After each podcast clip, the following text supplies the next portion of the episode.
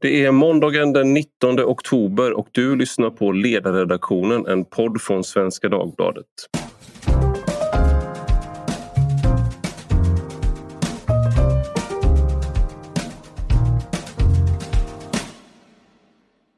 Jag heter Ivar Arpi och idag ska vi prata om forskning och forskningspolitik. Vad fan får vi för pengarna? Det var någonting som eh, cirkulerade eh, ganska nyligen, en mening som eh, är på alla läppar.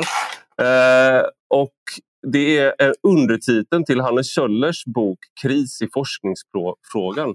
Välkommen Hannes Kjöller till ledarredaktionen. Tack.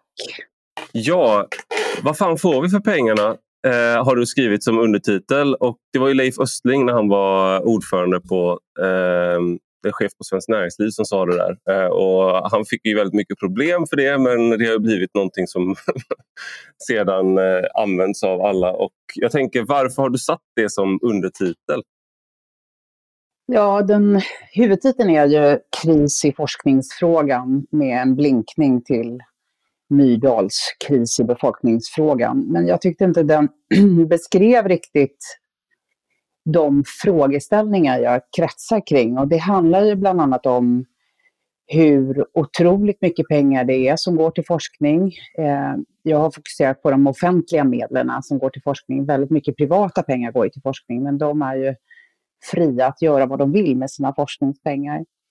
Eh, så att jag visste inte vilken gigantisk sektor detta är. Och sen så visste jag inte heller hur extremt underrapporterad den var både i medier, men inte heller Riksrevisionen har ju liksom ställt den frågan, gör vi rätt? Riksrevisionen har gjort nedslag och liksom tittat på vissa specifika saker, som till exempel det här som heter basanslag. Det är de pengarna som går direkt till universiteten för att forska på. Där har man frågat sig hur de pengarna används.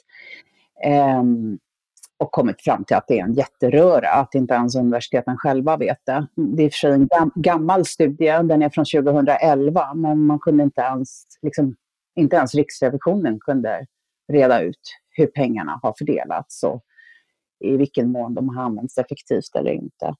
Så att min, när jag närmade mig det här ämnet så upptäckte jag liksom hur, som sagt var, hur otroligt lite frågor som ställs om eh, om vi verkligen gör på rätt sätt med de här pengarna.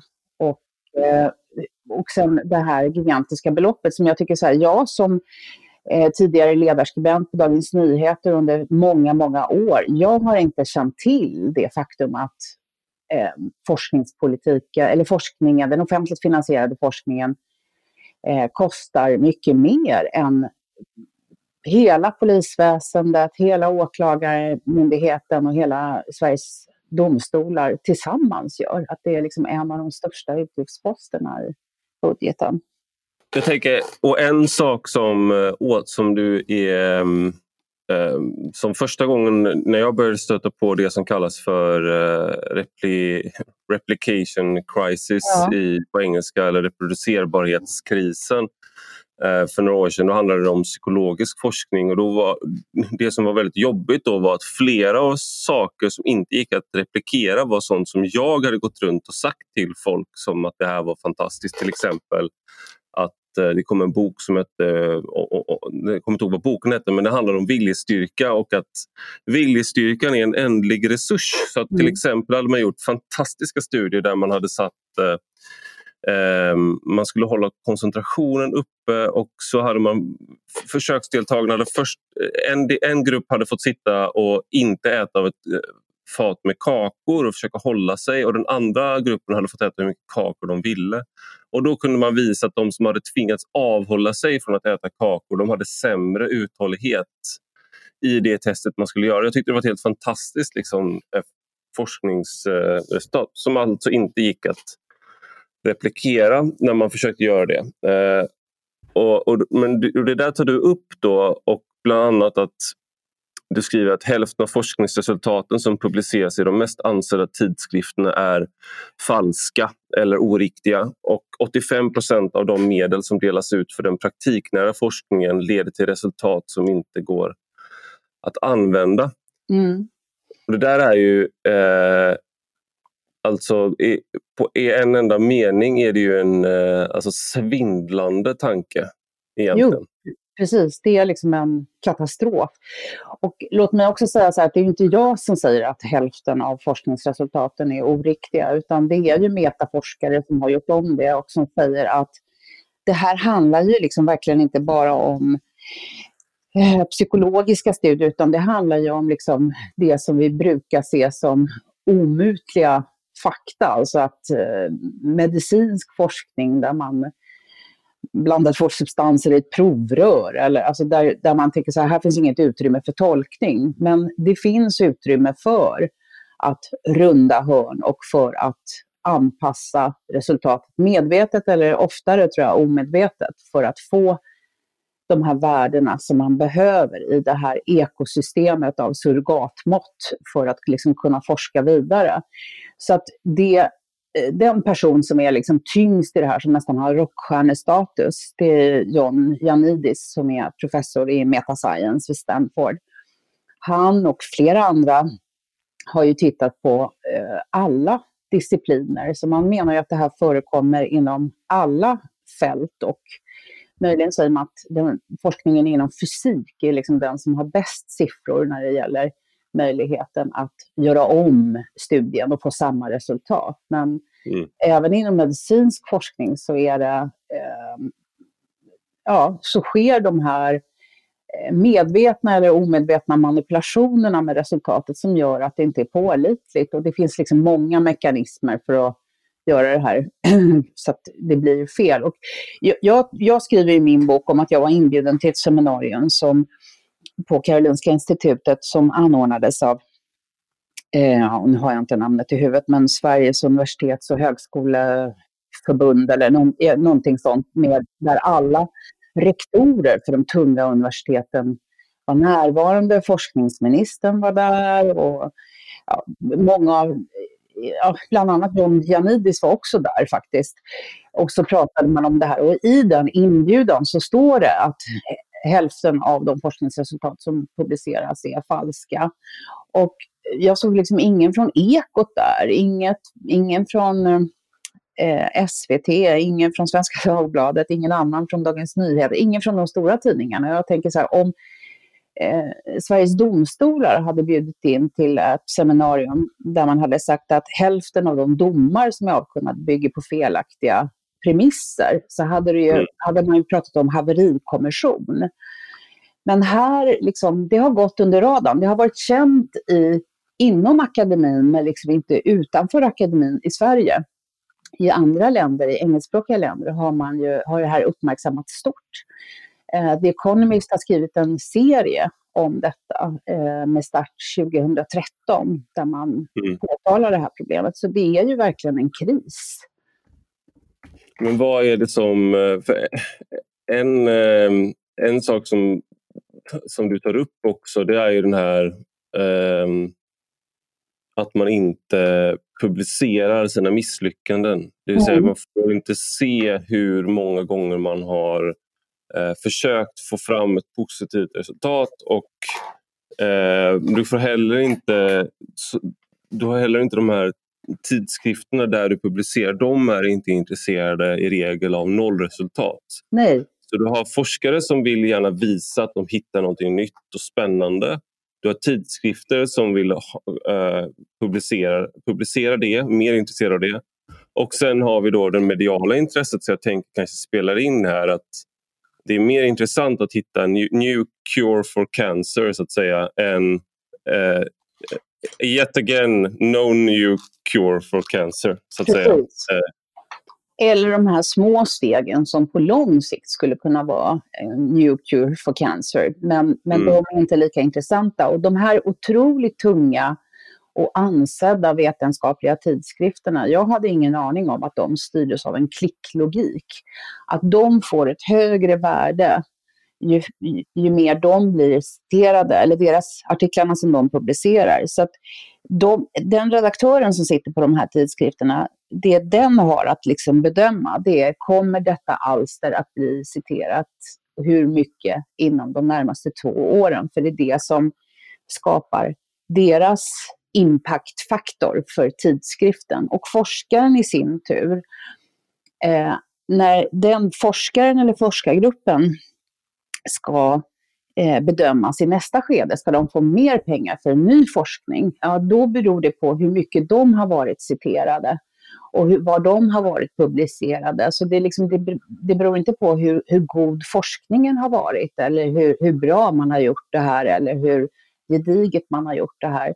Så att det finns en, en vul, vulgär incitamentstruktur som också tvingar de forskare i någon mån, eller i alla fall fresta de forskare som vill kunna fortsätta att servera mat på bordet hemma, att runda hörn och att liksom det här som kallas för cherry picking, att man plockar i variabler så man får det resultat som man vill till sist. Man får mm. ett, ett statistiskt signifikant resultat och man får gärna ett rafflande resultat. Och även i de fall där man har kunnat reproducera forskning och kunnat göra om det och få samma resultat så upptäcker man att det här effektmåttet, alltså hur, hur, hur stor effekten är, det är genomgående överdrivet. Det finns ju, ehm, alltså man har ju, det var ju för några, för några år sedan nu så kom, kom man fram till att eh, charkprodukter eh, eh, ökar risken för cancer och att det nu var liksom signifikant. Eh, och, och, att det var liksom att man hade kommit fram till det i metastudier. Eh, och det där blev ju jättestort eh, nyhet i medierna. Mm. Eh, och sen så kollar man lite närmare på det så ser man att det är statistiskt signifikant men effekten är otroligt liten. Så att du har liksom, resultatet är ju korrekt men det mediala där blir ju att eh, äter du bacon får du cancer ungefär som röker du får du lungcancer. Ja. Men medan rökning både är att det är en stor effekt eh, och det är så att liksom, eh, statistiskt signifikant på alla sätt och mm. effekten är stor mm. så är liksom att äta bacon är, eh, har en väldigt liten effekt men den är signifikant. Den mm. finns där. Mm. Eh, och det där är också någonting som jag tänker, eh, alltså hur, vad kan vi använda medialt här? För det är väldigt, den här forskningen visar är ju någonting som folk fortfarande är det någonting som man eh, det har väldigt stor trovärdighet och det blir väldigt mycket klick. Eh, kan man se, liksom, vi, som, vi som jobbar på tidningar ser ju liksom, man mäter allting på, på längden och tvären.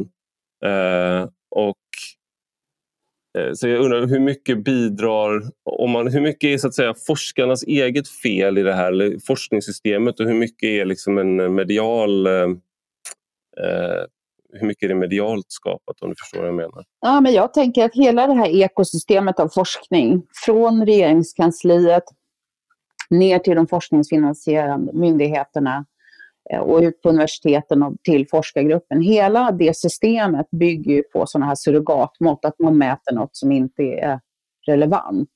Så där finns det liksom fel hela vägen. Sen så tycker jag att det blir, alltså det blir ofta fel också när medierna går in, men jag vet faktiskt inte riktigt hur det skulle kunna bli rätt om man bortser då från de här otroligt duktiga vetenskapsreportrarna som finns en handfull eller kanske liksom max tio i Sverige eller någonting sånt, som kan mm. bedöma forskning. Även nu när jag har hållit på och försökt peta i det här ämnet eh, så skulle inte jag skriva, alltså jag skulle, jag skulle akta mig väldigt noga för att skriva att den här forskningen är undermålig utan att liksom kontrollera det med några av alla de här professorerna som jag har pratat med under arbetet med den här boken.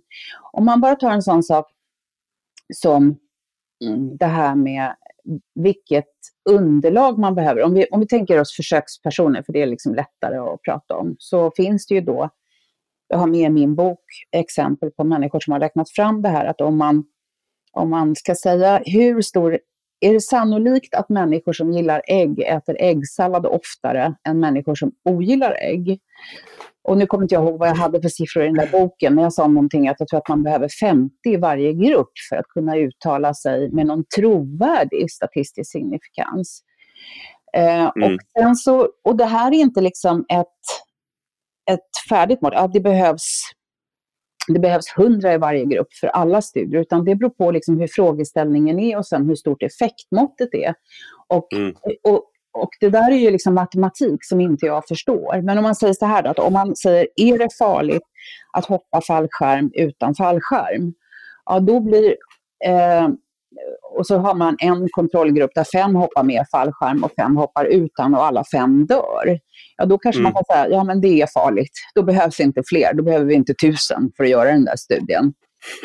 eh, men men liksom hur många man ska ha för vilken studie, det är ju inte jag kvinna att liksom bedöma. Jag kan bara se så här på studier att eh, liksom mer så sunt förnuft grejer. Att, ah, om man ska kanske testa ett läkemedel så är det bra att inte ha tre i en grupp och tre i en annan. Och det är väl också bra att de är tillräckligt långa så man ser eh, biverkningarna liksom efter en lång tid. Om man tittar på överlevnaden dagen efter man har tagit en tablett eller gjort ett ingrepp. Ja, man kanske skulle följa upp det lite längre tid. Sådana mer liksom, sunt förnuft-grejer. Men jag kan inte mm. säga uh, precis där går gränsen för när man kan lita på det här resultatet och där går den när man inte kan lita på det. Det är svårt. Men en, en, det här med äggsallad mm. Är ju det är också eh, liksom, om man tänker intressant, om man tänker vad är korrelation och vad är eh, kausalitet och alla sådana saker. Men eh, det finns ju massa saker man skulle kunna ta in där i det där till exempel om, hur, eh, om det finns underliggande medicinska orsaker till att man gillar ägg eller att man mår bra av att äta mer äggsallad även om man inte äter äggsallad. Men i alla fall, det är någonting som du tar upp också i medicinsk vad gäller medicinsk forskning är att ganska mycket medicinsk forskning är inte så relevant för patienter som man skulle kunna tro. För alltså, jag kommer från en samhällsvetenskaplig humaniora-bakgrund och det är där mina främsta, liksom, min främsta expertis ligger. Och då har man ju någon sån här eh, känsla av att de seriösa forskningen, den seriösa forskningen görs av den riktigt seriösa forskningen. Ja, men det görs väl om, liksom, där det handlar om liv och död. Men det tyckte jag var väldigt intressant i din bok för du visar just att en hel del av det man forskar om eh, är snarare någonting där man är intresserad, kanske andra forskare är intresserade av, även när det gäller medicinsk forskning. Eller att det finns ekonomiska intressen för en medicin. Um, och att man kanske inte är så intresserad av just att uh, förbättra livet för patienter uh, och, vad, och vad de ser som en förbättring. Och du, tar upp, du kan beskriva, du tar upp till exempel uh, prostatacancer där man har använt Eh, ja, du, du får gärna beskriva. Ja, det är mer, det, det, är mer ehm, det här med screening, värdet av screening. Eh, mm. Men, och det är också en svår fråga där man, ehm, där man får väga liksom nyttan mot skadligheten och även mot kostnaden. Men där man, ju mer man screenar någonting, desto mer falska resultat kommer man hitta om människor kommer bli utsatta för en behandling för en sjukdom som de skulle dött med och inte dött av. Mm. Och det är liksom en, etiskt, en etisk avvägning. Och det finns ju ett par sådana här screeninggrejer där man har beräknat att man tycker att vinsterna är klart mycket större än kostnaderna, eh, både i människors livskvalitet och i ekonomi. Men det finns andra där det är mer tveksamt. Eh, till exempel bara, jag, jag, kan säga en sak som jag inte skriver i boken, men det här med många människor får ju en, eh, med åldern så får man en förstorad kroppspulsåder, eh, alltså att den håller på att spricka i någon mån kan man säga. Mm. Eh, och där screenar man ju män som har fyllt 65 år och man screenar inte kvinnor. Och då skulle man kunna säga, åh gud vad diskriminerande. Men där har man ju gjort beräkningar på att, jag tror att det är 9 av 10 eh, som drabbas av det här till sist, att liksom kroppspulsådern spricker, det är män. Då har mm. man bedömt att det liksom finns ett värde av att försöka fånga upp de här. Så det är inte liksom att kvinnor... Eh, för att i andra vågskålen ligger ju beskrivningen av att ah, din, din, din stora kroppspulsåder är förstorad, den kan spricka. Och, och, att leva med det och gå omkring och veta att man har en tickande bomb på något sätt i sig, när man sannolikt inte kommer dö av det. Det är liksom inte bra för någon. Mm. Det är ett exempel. Men det andra exemplet jag skulle vilja säga, det är det här exemplet som jag har med tamoxifen, som är ett läkemedel som man ger för att förhindra återfall i bröstcancer för kvinnor som har haft bröstcancer. Eh, och det är ett, eh, enkelt beskrivet kan man säga att det är en medicin som eh, framkallar de här klimakteriebesvären som vissa kvinnor i klimakteriet tar östrogenplåster eller östrogenbehandling för att undvika. Alltså, eh, mm. Vallningar, humörsvängningar och liksom... Ja, Sömnsvårigheter ja, och ledvärk. Och, ja. ja. alla de grejerna. Mm. Och då har man i studier tidigare visat att även de kvinnor som får bröstcancer och som strålas och cytostatika behandlas och opereras, att de är inte, de är i ganska låg grad benägna att äta den här medicinen eh, efteråt för att slippa, eh, eller för att minska risken för recidiv i det här bröstcancret. Därför att den, den är liksom ett rävgift i någon mån, eller många mår väldigt dåligt av den här medicinen. Mm. Och nu pågår studier då om man skulle kunna identifiera kvinnor med hög risk för bröstcancer, alltså friska kvinnor men som har en hög risk för bröstcancer och mm. kunna få dem att äta det här tamoxifenet. Och det är möjligt att liksom vissa kvinnor vill det eller att några kvinnor vill det, men det är också möjligt att liksom viljan att äta det här är otroligt liten så att det förtar hela värdet av den här studien. Om man skulle komma fram till att ja, men det är bra att äta tamoxifen för att då minskar man risken för bröstcancer med säg 30 procent eller vad det nu än kan vara.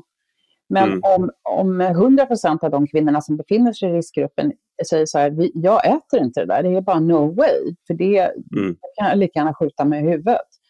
Mm. Då, då är ju den studien helt värdelös. Och i, det finns också sådana här metaforskare som har tittat på det här med just när det gäller medicinska studier som har konstaterat att i 99 procent av de här studierna så har man liksom inte frågat den tilltänkta patientgruppen är ni intresserade av att få hjälp med det här? Mm. Utan man forskar liksom i sitt lilla universum på det man själv tycker är intressant och utan att, att tänka på att men, det finns en grupp som ska använda det här sen. Det, vi ska betala tillbaka för de här offentliga medlen vi har fått, så ska vi göra någonting gott för människor. Mm. Och det och det, när, när, du säger 99 procent, då är det verkligen 99 procent om jag inte minns fel? Det, är ja, inte precis. Bara liksom, det var mindre än en procent som hade ja, precis. i det här med användbarhet. Ja, Just det, ja, för det låter som att man... Eh, det är, sånt eh, det är, det är, så, det är så hög tal att det låter som att någonting du hittar på men det är faktiskt, det är faktiskt 99 eh, procent eller mer där man inte har ställt den här frågan. Ja. Och, den här, och, och, den här studien om uh, tamoxifen det är en faktisk studie som vi uh, vet, alltså skattebetalarna säga, har, redan har betalat 27 miljoner kronor för 29 uh, tror jag det är, till och med. Ja. Ja. Eller det kanske är 27, ja men det är väldigt många miljoner. Precis, och du, eh, det här tänkte jag också vi skulle komma in på då för att eh, du intervjuar ju forskaren som är eh, forskningsledare för det här. Mm. Eh, och eh, han ställer upp och är liksom, ni har en bra... han är öppenhjärtig, pratar öppenhjärtigt om, om det här. Mm. Och sen får han se eh, hur du har skrivit, inte bara intervjusvaren utan eh, och sådär. Du får, som man ofta får, får kommentarer. Men han är väldigt, väldigt missnöjd med, eh, med dig mm. och din framställan. Eh, och, och sen så tar er korrespondens slut eh, kan man säga. För att han ville väl inte... Han tyckte att han gör en fantastisk studie helt enkelt. Mm. Och jag tänker att det finns en ovana här, eh, tror jag, med den här typen av eh, jag vet inte, jag tycker det är ganska... Jag förstår att du också tycker det eftersom du har med det i boken, men jag tycker det är ganska illustrativt till just att när du tar in då, liksom, hur många är ens villiga att ta den här eh, medicinen? Till, liksom, till exempel då framkallar minskad sexlust i förtid. Mm. Om, man då, om man redan är rädd till exempel för hur eller man bävar för klimakteriet till exempel. Mm. Det här är mm. alltså något som då skulle få fram de effekterna och riskera det eh, och minska livskvaliteten ganska mycket i så fall. Att man inte har ställt den frågan innan. Att han inte ens har tänkt på det får man intrycket av. att eh, och att, att det här är någonting som kanske är eh, just att han reagerar så starkt, den här forskaren, eh, att det är ett tecken på att just det du beskriver, att folk de tänker inte på det här sättet inom forskningen. Utan det där är till viss del en eh, skyddad verkstad. Man gör det här för, för liksom, he, av helt andra skäl. Eh, man, eh, det, det där är i alla fall ett väldigt nedprioriterat skäl. Så att säga. Jo, och jag tror ju att det är så här, jag hade ju med det här avsnittet också för att visa på mitt eget vankelmod och den maktobalans som råder mellan liksom forskare och journalister och allmänhet, eller vi som inte är forskare då, för att visa att det finns Eftersom många av oss tycker att liksom forskning är fantastiskt och att forskning är det bästa som har hänt mänskligheten och vi är oerhört tacksamma över liksom allt som forskarna har gjort för oss, så blir det ju också så att när jag då ställer frågor på ett område som han kan mycket, mycket bättre än vad jag kan, så när han kritiserar mig för att liksom inte för att vara liksom selektiv och för att eh, liksom visa fel bild så blir jag först eh, jag känner mig liksom tillplattad på ett sätt som jag inte brukar göra när om jag intervjuat en politiker som tycker att jag framställer honom fel och sådär. Utan jag, där har jag någon typ av självförtroende. Men här blir jag liksom helt platt och funderar över hela projektet. Och ja, men han kanske har rätt och det kanske är någonting här jag inte fattar. Mm. Så det, det, är också därför jag har med det här replikskiftet. För jag ändrade ju i princip allt han invände mot och skickade en ny version. Och han var fortfarande missnöjd. Och sen ställer jag frågan, det verkar ju som att du är missnöjd över att jag har tagit upp det här med använd, användbar, användbarhet. Eh, ja. Och, eh, och, ja, och sen det blir ändå liksom så här anklagelser om att jag är partisk och att jag ljuger utan att ljuga och att jag manipulerar och så. Så det var, jag tyckte det var, det var en, en intressant resa även för mig, detta med att känna min liksom, ja, min underlägsenhet. Och det är klart att jag ska säga också så här, vi är inte jämbördiga. Därför att han kan det här mycket bättre än vad jag kan. Och det finns ju väldigt mycket forskning. Varenda Nobelpris i kemi, eller fysik ska jag säga. Mm. Jag tror inte jag kan erinra mig något där jag har begripit vad poängen är. Och det betyder ju inte att det inte finns en poäng. Eh, utan det kan ju finnas materia som är så svår. Så därför så tror jag att det är så här att när när journalister skickas ut på ett jobb för att intervjua en forskare om den personens forskningsresultat, så blir det väldigt ofta liksom idolporträtt. Och vi, vi skriver det som forskaren säger och vi ställer inga kritiska frågor. Därför att vi är för, för dåliga på det, inte för att vi eh, är fega, men lite vi känner en, en liksom hovsamhet och, vi, ja, och så tänker vi att vi fattar inte, men det kanske andra fattar. Jag tror att det blir så. Ja, man vill inte avslöja sig som, eh, som dum. Det är en av de få tillfällen där det känns som att man är tillbaka i, i skolbänken. på Precis. något sätt. Kanske. Sen... att man, det, här, det här är de som som är våra lärare på något sätt. Och sen jag, har jag, jag tänker, verkligen ja. inte heller, jag har också känt det här, jag vill inte att någon ska tro att jag är som Trump, liksom, antivetenskap och så, utan jag har liksom känt att jag är ju för forskning. Så det, det, är liksom, det är dubbla förtryckande mekanismer mot en själv. Eh, men sen tycker jag att det är viktigt att kunna säga också att eh, det faktum att man inte begriper en viss forskning inom ett visst fält, inom fysik till exempel, betyder ju verkligen inte att det är undermåligt. Så den slutsatsen kan man inte heller dra. Ehm, men däremot måste man kunna ställa frågor och då är det väl liksom enklare inom medicinen än än inom fysiken kanske för de flesta av oss. Sen det, får man ju också säga att även eh, forskare, även de gillar inte att prata om det, men eh, jag har av olika skäl eh, haft mycket kontakt med teoretiska fysiker och matematiker som har forskat i det och de förstår ju inte vad deras, de som sitter bordet bredvid, vad det är de gör tyder. Mm. Just för att det är så svårt. Mm. Så det är någonstans den här peer, alltså att man eh, forskarsamhället. Man får liksom, det, den här alltså förtroendet som man ger dem eh, blir extra stort i, i, i, vissa områden. Det är väldigt svårt att, att förstå vad de gör. Till och med deras kollegor har svårt att förstå vad de gör ibland. För att mm. Det kanske är någon i Kina som förstår vad de gör eller någon i Brasilien men det kanske inte är någon på just deras institution som gör det. Mm. Men jag tänker en sak här som du tar upp där med Trump och med allt det här också. Det blir att För å ena sidan så är vi tacksamma för vad forskningen har gjort. Alltså det finns en forskning som är så att säga vad forskningen har åstadkommit bevisligen. Till exempel ja, men såna här enkla saker som penicillin, eh, brokonstruktion. Eh, alltså du har saker som bilar till exempel. Nu är väl folk inte jättebegeistrade över bilar just nu, nu för tiden, men tåg då?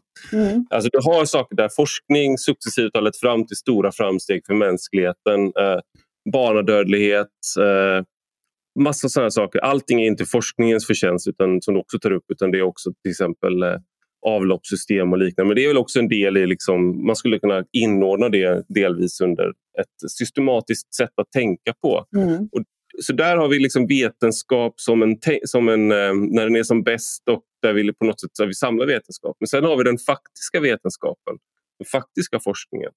Och ibland så blir det som att de här forskarna då som är de, de, de faktiskt existerande forskarna, de har ju inte uppfunnit penicillin, de du pratar med. Mm. De har inte liksom gjort de här sakerna, som, som, utan de är ju på något sätt kanske morgon, morgondagens eh, hjältar eh, mm. som, som för det här framåt. Men de är inte det idag. Men det finns också ett, ett, ett, ett anspråk här på att eh, forskare ska man inte... Forskare måste ha frihet, forskare ska inte styras.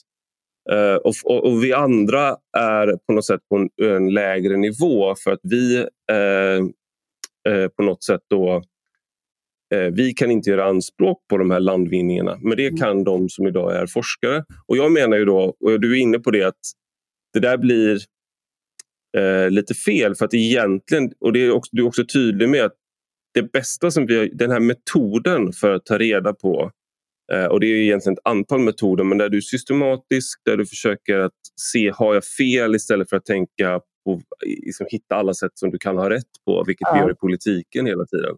Men liksom att det här sättet att vara metodisk, vara öppen för intryck och testa, testa, testa. Eh, det är liksom något av det bästa som mänskligheten har, har skapat. Men mm. det innebär ju inte att de forskare som sitter på universitet idag lever upp till det. Nej. Eller ens är, alltid är särskilt bra på det. Mm. Eh, och där kan ju till exempel ändå en en, en Hanne Kjöller som skriver en bok tvärtom vara någon som är lika mån om att bevara de här eh, metoderna som vissa av de här forskarna. Ja. Men du ham ändå så hamnar man ju, för jag har ju jag har själv varit i den här situationen, man, man hamnar liksom i ett underläge mot en professor för de måste ju på något sätt veta vad de pratar om. Men man kan också samtidigt se att de inte lever upp till vissa av de här eh, kriterierna i hur de argumenterar. Men jag, jag, känner också så här att jag hade liksom inte kunnat skriva den här boken utan de svenska professorer som har liksom stött mig. så att säga. Det finns ju inom akademin också människor som är otroligt bekymrade över forskningsslafset. Eh, och, eh, och all överflödig forskning som liksom har stött mig. Så jag har haft fem personer som har liksom läst boken innan den har gått i tryck. Så, och även nu efteråt så har jag ju fått mycket kontakt med forskare som säger gud vad bra att du påpekar det här och så. så att, det är inte så, om, om alla professorer skulle gå till storms mot mig, då hade jag nog varit ganska knäckt på riktigt. Och jag hade nog haft svårt att tro att jag, hade, att jag var någonting på spåren. Men, men nu har jag så himla mycket stöd även inifrån. Så det har underlättat. Får jag bara säga en sak till om det här med vad pengarna går till? Eh, som jag tycker är viktigt. Förutom det här att man forskar på saker som liksom aldrig kommer till användning för att ingen är intresserad av resultatet. När det är sådana här konkreta saker, inte svarta hål i universum, utan liksom, ska vi äta den här medicinen eller inte? En dansk professor hörde av sig till mig. Det var jätteroligt. Han hade läst min bok. Och så skickade han en studie till mig som eh, jag inte har läst tidigare. Men där, där har man också gjort en sån här metastudie av hur mycket överflödig forskning det finns. Så, och ett exempel bara, som visar på just det här, den här stora mängden och som visar på att det forskas på saker som man redan vet. Då var det en studie, eller studier som handlade om eh, om man med hjälp av ett läkemedel kunde minska risken för att patienter som eh, genomgick hjärtkirurgi skulle blöda så mycket. Och då var det så att 1992, då fanns det 12 studier på det ämnet. 12 kliniska prövningar där man har alltså lottat patienter i olika grupper. Vissa får det här läkemedlet, andra får det inte och sen blir de hjärtopererade.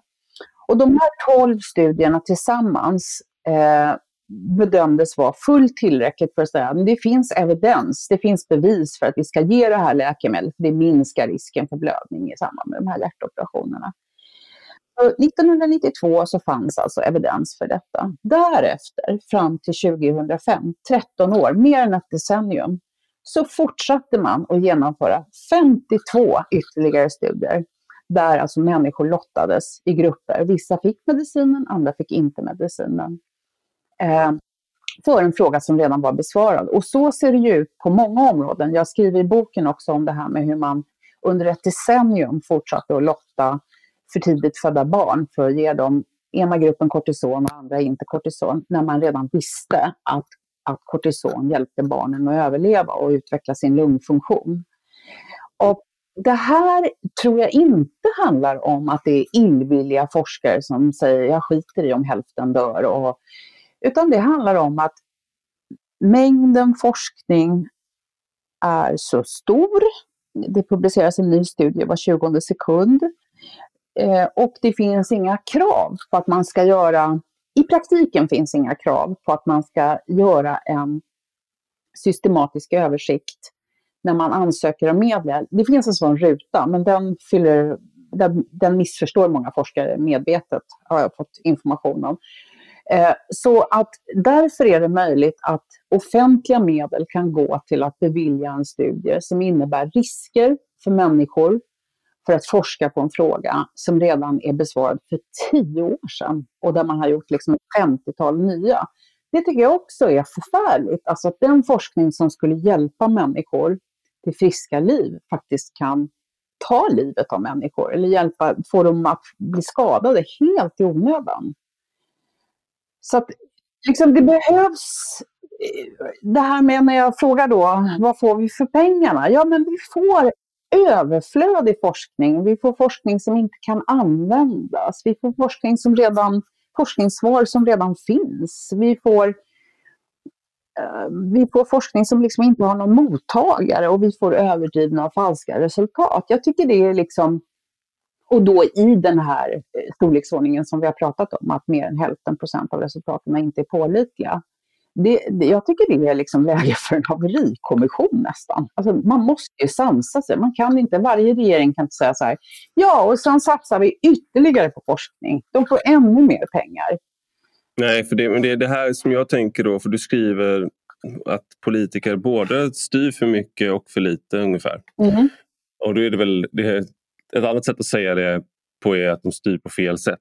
Eh, och, någonting, jag har ju liksom skrivit om eh, en bok som heter Genusdoktrinen som jag har tagit upp alldeles för många gånger i den här podden så det låter som att jag är väldigt eh, egenkär. Men en sak som, eh, som, an, som du inte är riktigt inne på här det är liksom att det finns eh, en politisering av saker där man liksom som är mätbara till exempel. Den här struten som handlar om eh, den här utredningen om hur man ska finansiera forskning och universiteten som kommer med utredningen. Eh, där har man i princip eh, avskaffat alla, liksom, alla mått på, på forskningens kvalitet. Man ska inte mäta, man ska inte styra på något sätt och, att universiteten ska få pengar och fortsätta få pengar oavsett hur de har spenderat pengarna eh, tidigare är något slags förslag. Men, men någonting där man, som man skulle fortsätta mäta eh, var eh, jämställdhet. Ja, det jag såg att både du och jag har tagit upp det i våra böcker. Ja, och vi lutar oss mot eh, Stiftelsen för strategisk forskning ja. där, som i sitt remissvar tar upp just det. Ja. Och jag tyckte det där var väldigt intressant just för att det eh, visar liksom att eh, politiker det, det skriver också just att polit, många politiker som får ansvar för de här sakerna de som, och tjänstemän man tillsätter, de kanske inte har så bra koll på de här frågorna. Eh, och då är det så här, ja, men då mäter man väl det man, man kanske får skit för att inte mäta. Men de andra sakerna är liksom up for grabs eller där kan man... Eh, vet man inte vad man ska styra riktigt. Så man, jag vet inte, vad är så att säga Ja, men jag tror att det är så. Ja. Att det, blir, det är så oerhört tydligt att räkna liksom hur många kvinnliga professorer finns och hur många manliga. Och vad, så. Det blir väldigt, väldigt enkelt matematiskt. Men sen tror jag också det här som jag skriver om, eh, att, att man, man fin det finns en skillnad mellan eh, vad ska jag säga, det traditionella höger och vänsterblocket. Ungefär kan man säga. Ungefär där går skillnaden. Men det är inte klockrent, för alla är för forskning och alla är för fri forskning, säger de. Men det är ju då, när jag har tittat på de förändringar som har genomförts under åren, med stöd av en fantastisk genomgång som Vetenskapsrådet har gjort faktiskt med de politiska förändringarna av forskningssystemet, det är ju att vänsterpolitiker, inklusive liksom Socialdemokraterna då, vänsterblocket, där är man mer inriktad på process. Alltså hur det ska finnas högskolor i varje hörn av Sverige och det ska finnas doktorandutbildningar och eh, alla ska få lite och, och kvinnor och män ska få lika mycket. Medan de borgerliga partierna är mer inriktade på liksom excellens. Det ska stramas till och de bästa, eh, mer inriktade på mål. Det här, nu ska vi få fler Nobelpris i Sverige. Eller, och, så. och båda de här två sätten tycker jag att jag visar, de är, det är ett feltänk bakom de båda sätten att mäta. Eh, och det har ofta blivit fel. När man, frågar forsk- när man tittar på vad socialdemokratiska regeringar har gjort, hur de har varit inne och liksom eh, plockat till sig liksom utnämningsmakten av professorer till regeringskansliet. Alltså det är ju helt bisarrt att människor, en regering där människor sitter som kanske knappt har gått gymnasiet ska bestämma vem som ska bli professor i vad. Så tänker man så här att alla forskare borde ju liksom vara borgerliga. Men när man frågar forskarna, då säger de, då skakar de på huvudet och säger att ah, det är verkligen att välja mellan pest eller kolera. För borgerliga politiker förstår ju inte forskningen heller.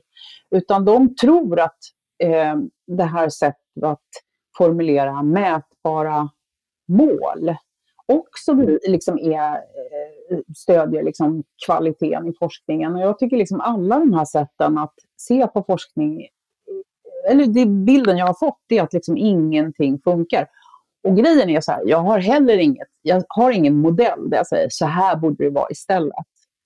Eh, att varje, varje modell har liksom en avigsida. Jag säger det går inte att ställa en hink med pengar på Sergels torg och säga här får forskarna ta för att forskarna ska själv bestämma vad som är viktigt. Men det hade varit en intressant studie på ja. hur, hur de... ja. ja. Eh, ja, nej, det, är en, eh, det är en väldigt eh, intressant... En, en sak som jag tänker är att du, eh, som, du, du fokuserar väldigt mycket på medicinsk forskning Mm. Eh, och det finns ju sådär då... Eh, jag tänker att det finns, eh, precis som du skriver också, att det är, en, det är så stort område. Det är väldigt svårt att få den här helhetsbilden över all forskning. Det är för mycket pengar, det är för mycket liksom... För många, för, för många universitet och för många ämnen. Det är svårt att få inblick i varje del. Och det där var någonting som jag eh, den boken som, som jag skrev ihop med Anna-Karin Windham då, då var det ju så att en kritik som vi fick är att man inte får, att vi inte har, man får liksom inte helhetsbilden. Och och, och det är en kritik som, eh, som jag gärna ger rätt i för att det är väldigt svårt att ens Alltså om man skriver en bok som bara skulle handla om statsvetenskap till exempel i Sverige, det skulle vara väldigt svårt att, mm. att, att, skildra. Och nu, men jag tänker ändå, är det någonting som eh, du tänker att eh, som, inte är, som är applicerbart i medicinsk forskning eh, som inte är applicerbart liksom, på humaniora och, och samhällsvetenskap. Alltså, är det någon skillnad där i, i, i hur de här problemen tar sig uttryck?